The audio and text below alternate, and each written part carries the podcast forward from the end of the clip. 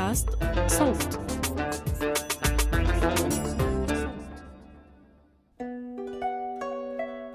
كان يا مكان في بعيد البلدان. ملك يسهر ولا ينام إلا على قصص الإنس والجان.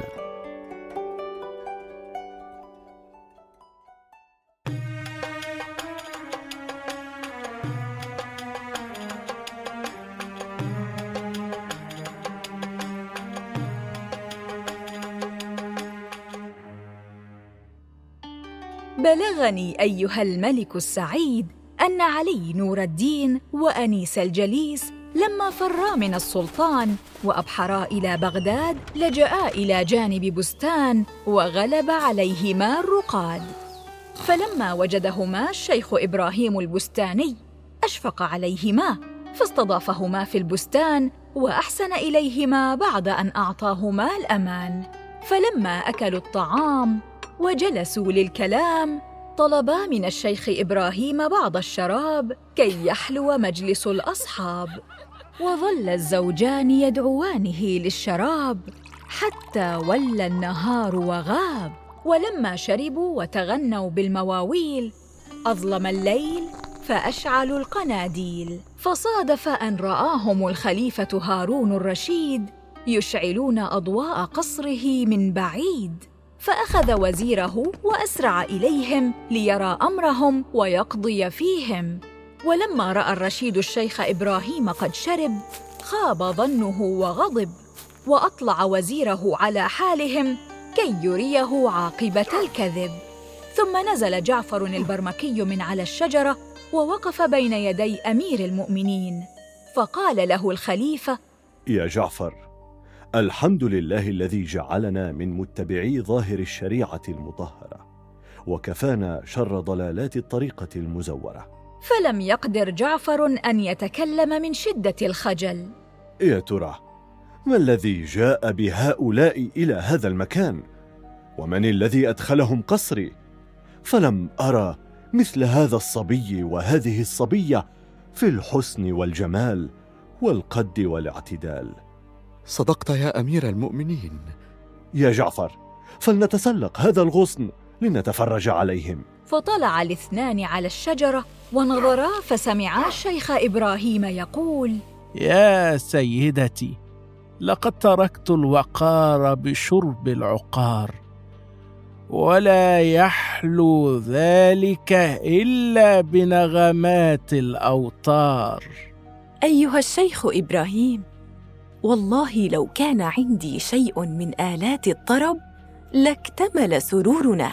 فلما سمع الشيخ إبراهيم كلام الاميره نهض قائما على قدميه وغاب ثم عاد ومعه عود فتأمله الخليفة فإذا هو عود إسحاق النديم.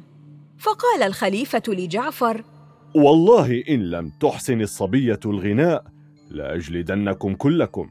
وإن أحسنت الغناء لأعفون عنهم وأجلدك أنت. اللهم اجعلها لا تحسن.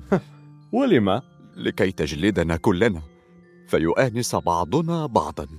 فضحك الخليفة وإذا بالأميرة أنيس الجليس أخذت العود وأصلحت أوتاره وضربت ضربا يذيب الحديد ويفطن البليد وغنت. الله الله. والله يا جعفر ما سمعت صوتا شجيا مثل هذا من قبل. أرجو أن يكون خاطر مولاي قد طاب بعد سماع غناء الصبية. نعم لا تقلق.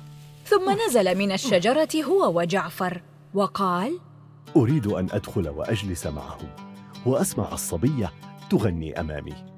يا مولاي إن دخلت عليهم فسيذعرون وقد يموت الشيخ إبراهيم من الخوف. يجب أن أتنكر لهم بزي لا يعرفني فيه أحد حتى الشيخ إبراهيم. ثم نظر الخليفة وجعفر البرمكي إلى نهر دجلة فوجدا صيادا يصطاد وكان الصياد تحت واجهة القصر فرمى شبكته ليصطاد ما يقتات به. فذهب إليه الخليفة واشترى منه ملابسه وسمكه. وأعطاه عباءته وثوبه كي يعود بهما إلى بيته. ثم عاد إلى جعفر وقال ابق هنا حتى أرجع إليك. سمعا وطاعة يا مولاي. ثم إن الخليفة تقدم إلى باب القصر وطرقه. فقام الشيخ إبراهيم وقال من بالباب؟ أنا كريم الصياد يا سيدي. لقد سمعت أن عندك ضيوفا فجئت إليك بشيء من السمك. وكان نور الدين والأميرة يحبان السمك. فلما سمعا ذكر السمك فرحا به فرحا شديدا. أرجوك يا سيدي افتح له ودعه يدخل لنا بالسمك الذي معه. ففتح الشيخ إبراهيم الباب فدخل الخليفة المتنكر. أهلا بك يا كريم. تعال أرنا السمك الذي معك. فأراهم إياه. فلما نظروا إليه وجدوه حيا يتحرك فقالت الأميرة والله يا سيدي إن هذا السمك سيكون لذيذا لو كان مقليا. مم. والله لقد صدقت. ثم قال للخليفة يا صياد هلا قليت لنا هذا السمك؟ حبا وكرامة يا سيدي حبا وكرامة. فقام الخليفة يجري حتى وصل إلى جعفر وقال يا جعفر إنهم يريدون أن يأكلوا السمك مقليا. هاته يا أمير المؤمنين وأنا أقليه. ثم أخذ جعفر السمك وقلاه في البستان وأعطاه للخليفة. ثم عاد الخليفة بالسمك ووضعه بين أيديهم. فتقدم علي نور الدين وأنيس الجليس والشيخ إبراهيم وأكلوا. ولما فرغوا غسلوا أيديهم فقال نور الدين والله يا صياد لقد صنعت معنا معروفا هذه الليلة. ثم وضع علي نور الدين يده في جيبه وأخرج له ثلاثة دنانير. يا صياد اعذرني. فوالله لو كنت عرفتك قبل الذي جرى لي لكنت اعتنيت بك ونزعت مرارة الفقر من قلبك. لكن خذ هذه الدنانير والله المستعان. ثم ألقى الدنانير للخليفة فأخذها الخليفة ووضعها في جيبه. أحسنت يا سيدي وتفضلت. لكن أملي من فضلكم أن أسمع هذه الصبية تغني لنا لحنا شجيا. يا أنيس الجليس هل لك أن تغني لنا شيئا من أجل هذا الصياد؟ فأخذت العود وغنت وضربت ضربا غريبا أذهلت به العقول. فقال علي نور الدين للصياد ها هل أعجبك غناء الأميرة وضربها للأوتار؟ وهل سيدتي حقا أميرة؟ أجل وهذا تاجها. فتذكر علي نور الدين التاج فأخرجه وأعطاه للخليفة. خذه أيها الصياد لعله يكون بداية فرجك. فأخذه الخليفة وهو مندهش ثم التفت لعلي وقال له يا سيدي نور الدين ألا تخبرني بخبرك؟ فأخبره علي نور الدين بخبره من أوله إلى آخره. فلما فهم الخليفة القصة قال له سأكتب لك رسالة توصلها إلى السلطان محمد بن سليمان الزيني. فإذا قرأها فلن يضرك بشيء. ومن أنت حتى تكتب للسلطان فيطيعك؟ أنا أمير المؤمنين. الخليفة هارون الرشيد. ثم نزع عمامة الصياد ونادى جعفرا والحراس فأتوه مسرعين فأغمي على الشيخ إبراهيم من شدة الخوف. وركع علي وأنيس الجليس على الأرض يقبلانها بين يديه. ائتوني بقلم وقرطاس وجريدة. وأمر حاجبه أن يكتب بعد البسملة. أما بعد فإن هذا الكتاب من هارون الرشيد بن المهدي إلى محمد بن سليمان الزيني المشمول بنعمتنا الذي جعلناه نائبا عنا في بعض مملكتنا. إذا جاءك نور الدين بن خاقان الوزير فانزع نفسك من الملك فورا وأجلسه مكانك. فإني قد وليته على البصرة. فلا تخالف أمري. والسلام. ثم أعطى الكتاب لعلي نور الدين بن خاقان فأخذه نور الدين وقبله ونزل من فوره مسافرا بعد أن ترك زوجته في حماية الخليفة. ثم جاء أمام قصر السلطان وصرخ صرخة عظيمة فسمعه الزيني. من هذا الذي يصرخ أمام قصري؟ ائتوني به. فلما أتوا بعلي نور الدين قبل الأرض بين يدي السلطان وأعطاه الرسالة. فلما رأى عنوان الرسالة من أمير المؤمنين قام واقفا على قدميه وقبلها ثلاث مرات وقال السمع والطاعة لأمير المؤمنين. ثم أحضر القضاة الأربعة والأمراء وأراد أن يخلع نفسه من الملك فدخل عليه الوزير المعين بن ساوي ما الأمر يا سيدي؟ فأعطاه السلطان رسالة أمير المؤمنين فلما قرأها أخذها ووضعها في فمه ومضغها ثم بصقها فقال له السلطان الزيني وقد غضب ويلك ماذا فعلت؟ يا مولاي يستحيل أن يكون هذا الطريد. قد قابل الخليفة أو حتى حاجبه. لا بد أنه زور الرسالة وافترى على أمير المؤمنين كي يعزلك ويسرق ملكك. ولو كان الأمر صحيحا لأرسل الخليفة معه حاجبا أو وزيرا. لكن الرسالة ممهورة بخاتم الخليفة.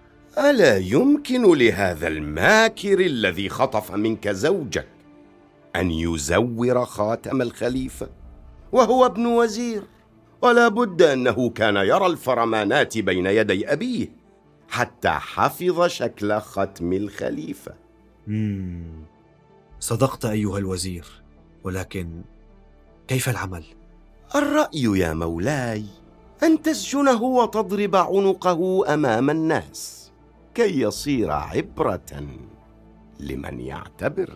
فلما سمع السلطان كلام الوزير دخل عقله ثم صاح على الحراس فطرحوا علي وضربوه إلى أن أغمي عليه ثم قيدوه وطلب السلطان السجان. فلما حضر السجان قبل الأرض بين يديه. أريدك أن تأخذ هذا وترميه في زنزانة من الزنازين وتضربه بالليل والنهار. ثم أخذ السجان علي نور الدين وأدخله في زنزانة وأقفل عليه الباب. إن لأبيك الوزير ابن خاقان فضلا علي فلا تخف يا سيدي. ثم كنس له مصطبة وراء الباب وفرشها بسجادة ومخدة وأقعد نور الدين عليها وفك قيده وأحسن إليه وصار كل يوم يتظاهر بتعذيب علي نور الدين. وهو في الحقيقة يلاطفه ويحسن رعايته ولم يزل كذلك مدة أربعين يوما. فلما كان اليوم الحادي والأربعون ذكر الوزير المعين بن ساوي السلطان بأمر علي نور الدين بعد أن نسيه. أخرجوه من السجن واضربوا عنقه. اسمح لي يا مولاي أن أنادي في المدينة كي يتفرج الناس على ضرب عنق نور الدين بن خاقان. افعل ما تريد. فنزل الوزير بن ساوي وهو فرح مسرور وأقبل على المنادي وأمره أن ينادي في الناس. فلما سمع الناس المنادي حزنوا وبكوا جميعا وأتوا ليتفرجوا. ثم نزل ابن ساوي ومعه عشرة حراس إلى السجن. فأخذوا علي نور الدين وجعلوا يطوفون به البصرة إلى أن وصلوا إلى ساحة القصر وجعلوه على منصة الإعدام ثم تقدم إليه السياف. هل لك طلب قبل أن تموت؟ أعطني كوب ماء فقد جف ريقي فبكى الناس عليه ثم قام السياف وسقاه الماء. فنهض الوزير من مكانه وضرب قلة الماء بيده فكسرها وصاح على السياف. اضرب عنقه الآن. فبينما هم كذلك وإذا بغبار قد علا وعجاج ملأ الجو والفلا. فلما نظر إليه السلطان وهو قاعد في القصر قال انظروا ما الخبر. دعنا نضرب عنق هذا أولا يا سيدي. اصبر أنت حتى ننظر الخبر.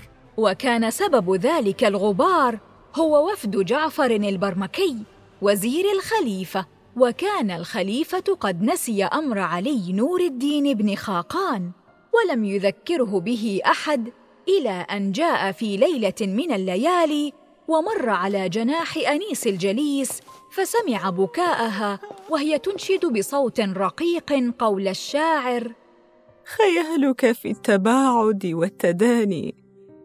وذكرك لا يفارقه لساني.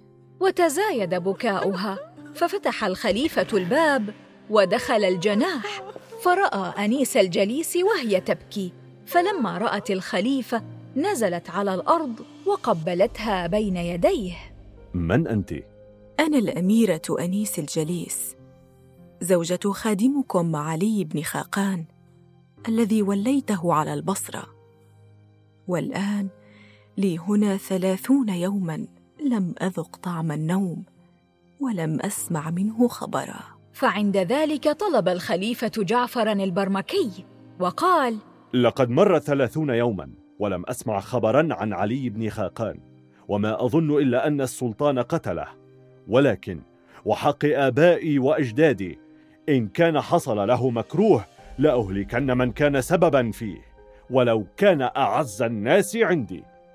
وأريدك أن تسافر أنت في هذه الساعة إلى البصرة وتأتيني بأخبار الملك محمد بن سليمان الزيني مع علي بن خاقان فامتثل جعفر البرمكي لأمره وسافر ولما وصل إلى البصرة رأى ذلك الازدحام وسمع المنادي ينادي على دق عنق علي نور الدين.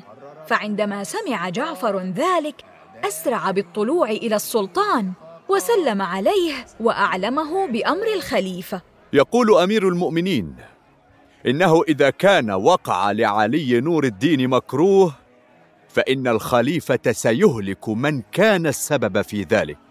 ثم عزل الوزير جعفر البرمكي السلطان وقبض على الوزير المعين بن ساوي وأمر بإطلاق علي نور الدين بن خاقان ونصبه سلطاناً على البصرة. ثم قعد ثلاثة أيام في البصرة مدة الضيافة فلما كان صبح اليوم الرابع التفت علي بن خاقان إلى جعفر وقال والله إني اشتقت إلى رؤية أمير المؤمنين. إذا فلنصلي الصبح غدا ثم نتوجه إلى بغداد. فباتوا ليلتهم ثم صلوا الصبح وركبوا جميعا ومعهم الوزير المعين بن ساوي. وركب علي نور الدين بن خاقان بجانب جعفر البرمكي وما زالوا سائرين إلى أن وصلوا إلى بغداد دار السلام. وبعد ذلك دخلوا على الخليفة وحكوا له ما جرى مع نور الدين. فأقبل الخليفة على علي نور الدين بن خاقان وقال له خذ هذا السيف واضرب به عنق عدوك. فأخذه وتقدم إلى المعين بن ساوي. الذي نظر إليه وقال أنا عملت بمقتضى طبيعتي. فاعمل أنت يا ابن خاقان بمقتضى طبيعتك. يا سيدي. فرمى علي السيف من يده ونظر إلى الخليفة وقال يا أمير المؤمنين إنه خدعني. كما يقول الشاعر فخدعته بخديعة لما أتى. والحر يخدعه الكلام الطيب. اتركه أنت اذا يا مسرور قم أنت واضرب عنقه. فقام مسرور وضرب عنق الوزير بن ساوي. تمنى علي يا ابن خاقان. يا سيدي لا حاجة لي بملك البصرة ولا أريد سوى مشاهدة وجه حضرتكم. حبا وكرامة. ثم إن الخليفة دعا الاميره فحضرت بين يديه. فأنعم عليهما وأعطاهما قصرا من قصور بغداد ورتب لهما راتبا وجعل علي بن خاقان من ندمائه وما زال مقيما عنده إلى أن أدركه الممات.